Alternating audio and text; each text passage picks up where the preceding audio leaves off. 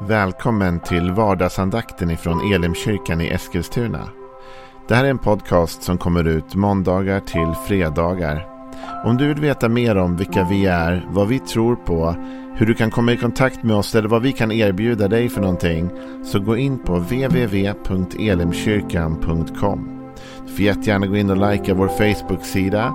Det är facebook.com elimeskilstuna. Eller så söker du upp oss på YouTube och då söker du på Elimkyrkan Eskilstuna. Vi vill jättegärna komma i kontakt med dig.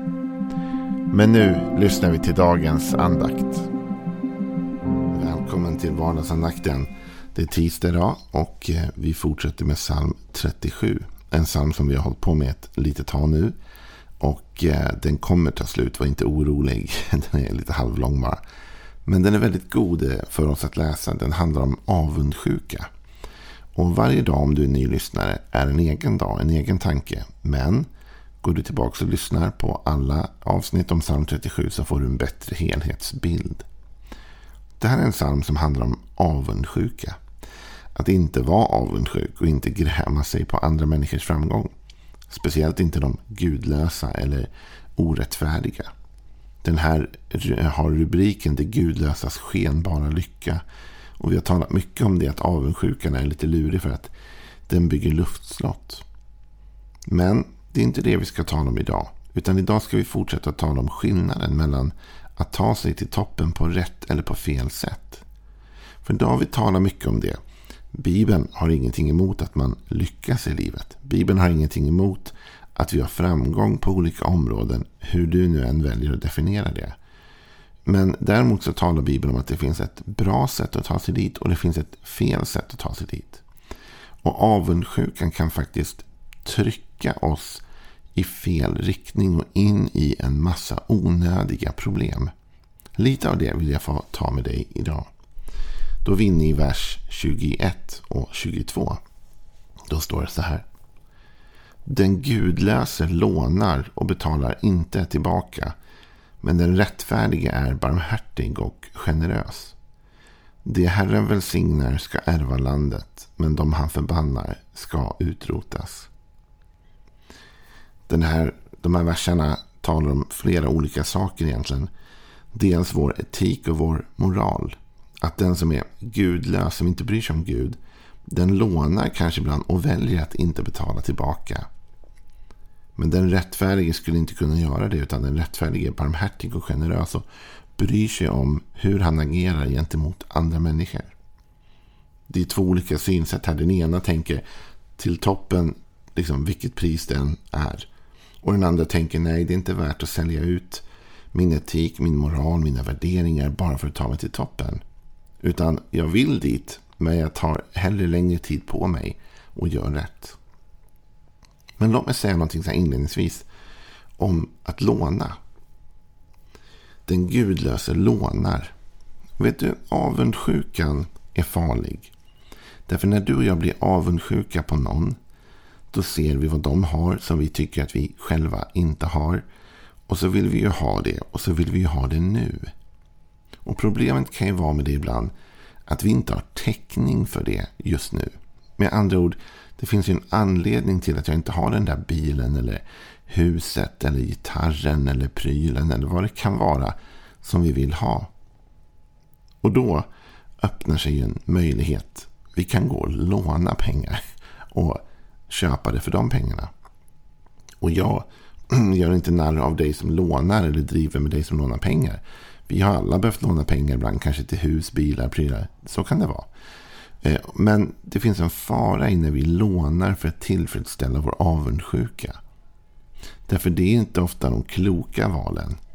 Att låna och köpa ett hus, det kan ju till exempel vara en investering faktiskt som över tid kan till och med löna sig. Men att låna för att fylla behovet av avundsjuka, det är ett svart hål. Därför när vi väl har köpt den där grejen så ser vi något annat vi vill ha som vi blir avundsjuka på. Och sen ser vi något annat. Det jag menar är att ibland använder vi lån som en genväg till toppen. Men egentligen sätter det oss i en massa problem. Och lite det blir ju poängen här. Den gudlöse lånar och betalar inte tillbaka. Med andra ord, han har inte heller täckning för det. Alltså man lånar för att ta sig upp. Men egentligen så har man inte täckning för det. Inte ens att kunna betala igen det. Utan man, liksom, man bara snabbt upp. Man tänker inte på konsekvenserna. Man vill bara ha det just nu. Det där är någonting som jag delvis fått jobba med i mitt liv. Impulsen. Impulsköp. Jag kan vara en sån som ser något jag vill ha och så vill man ut och köpa det på en gång just nu. Men om jag inte har täckning för det så skapar jag bara problem för mig själv. Och egentligen så är det inte lånet i sig som är problemet. Det är avundsjukan som har drivit mig. Den har drivit mig att köpa något jag egentligen inte har täckning för. För att vara något jag inte är. Så att säga. Det blir ett charadspel. Jag bygger det här luftslottet av lånade pengar som jag egentligen inte har. Och helt plötsligt har jag jättemycket problem. Ett av mina favoritprogram på tv, det är Lyxfällan. Det, min fru klarar inte av att titta på det. Hon säger att det är så ångest-tv. Och det är det väl i viss mån liksom, lite ångest-tv. Men jag tycker om att titta på det. Men ofta så ser man att en del av dem som tyvärr har hamnat där och får kämpa. Det är människor som liksom har handlat grejer man inte har täckning för. Man har tagit lån för att köpa saker man vill ha. Kanske för att man är avundsjuk på någon eller vill ha något som alla andra har. Och sen så klarar man inte av att betala det och livet blir jättejobbigt och jättesvårt. Du och jag, om vi lär oss tacksamhet istället för avund. Om du och jag lär oss vara tacksamma för det vi har just nu. Då så behöver vi inte låna hela tiden för att köpa sånt vi egentligen inte behöver. Och då skyddar vi oss själva faktiskt lite grann. Men det är även så att om man nu skulle låna så säger Bibeln något annat här som är väldigt intressant faktiskt. Den säger att den gudlöse när han lånar, i det här fallet och i den här kontrasten, bryr sig inte ens om att betala igen. Men, sen, men den rättfärdige om den lånar, den är mån om att göra rätt för sig. Med andra ord, om jag lånar någonting av en vän, en bekant, av banken, av någon annan, så är jag också mån om att göra min del av avtalet och betala igen det jag är skyldig. Kanske tänker, det var ingen rolig vardagsandakt. Jo, men det är jätteviktigt. För att du och jag, vi vill ju avsluta vårt liv med god etik och moral. Det viktigaste för oss är inte att ha allt, utan att inför Gud känna att vi har levt rätt och riktigt. Sen hör du vad jag säger, det är inget fel att låna pengar vid vissa tillfällen eller situationer, det är inte det jag säger. Men låt inte sådana lån vara drivna av avundsjuka. Jag kan nästan lova dig att de lånen blir inte bra. De kommer ställa till det för dig. När du köper ett större hus bara för att någon annan hade ett större hus. När en vän till dig köper en ny bil och du känner nu måste vi också gå ut och köpa en ny bil. Fast egentligen har vi inte råd och den bil vi har funkar ju. Sådana där saker leder oss till toppen ytligt sett. Men till botten ekonomiskt och själsligt på något sätt. Därför vi är drivna av avundsjuka och begär istället för vision till exempel. Den rättfärdige däremot, han är mån om att vara barmhärtig och generös. Och det här tänker jag, och så står det, det, den det Herren välsignar ska ärva landet. Vet du, jag tror ju på toppen. Jag tror på ekonomisk välsignelse. Jag tror att Gud vill ta hand om dig på alla plan i livet.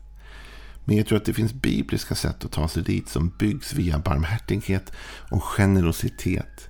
Bibeln talar ju mycket om att den som är generös blir välsignad talar om sådd och skörd även i det ekonomiska. Att den som ger ut själv blir välsignad tillbaka. Men det kanske inte sker samma dag. Just det där med lånet, det bygger ju på att jag får pengar jag egentligen inte har och jag får dem just nu. Men när vi sår ut i tro, då kanske vi måste vänta på skörd.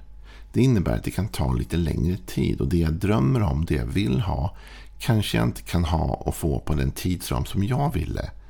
Utan jag måste vänta in den gudomliga tidsramen. Jag sår ut någonting och jag vet att det kommer skörd. Förr eller senare. Jag fick en gång en rolig present av min ena syster. Jag har ju nämnt det här förut och jag bjuder väl lite på mig själv i vardagsandakten ibland. Jag gillar klockor. Och jag har en del. Och så fick jag en klocka av min syster. Det var vid den tidpunkten en av de fina jag hade haft. Den var jättefin tyckte jag. Och men när jag fick den så sa hon, den här klockan ska du ha som också sådd någon gång för en ännu bättre.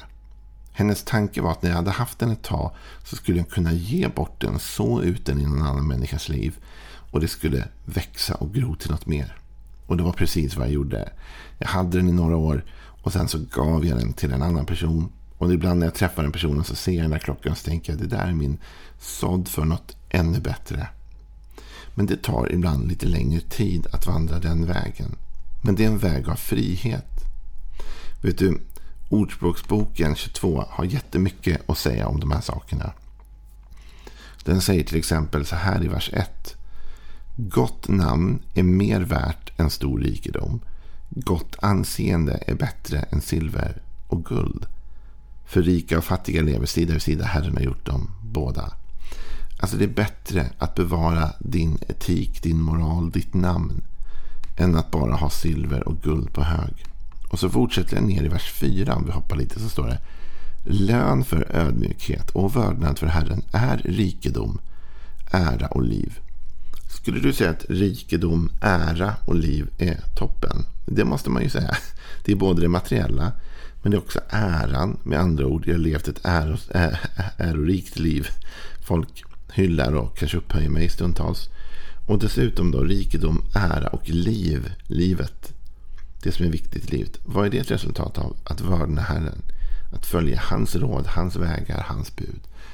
Även om den processen kan ta längre tid. Men så fortsätter man lite grann. Så går vi ner till vers... Ja, vi läser vers 5 och 6 också. Törnen, törnen och snaror finns på den falskes väg. Den som vill bevara sitt liv håller sig borta från dem. Vän den unge vid den väg han ska vandra. Så viker han inte av ifrån den när han blir gammal. Den rike råder över de fattiga och den som lånar är, blir långivarens slav.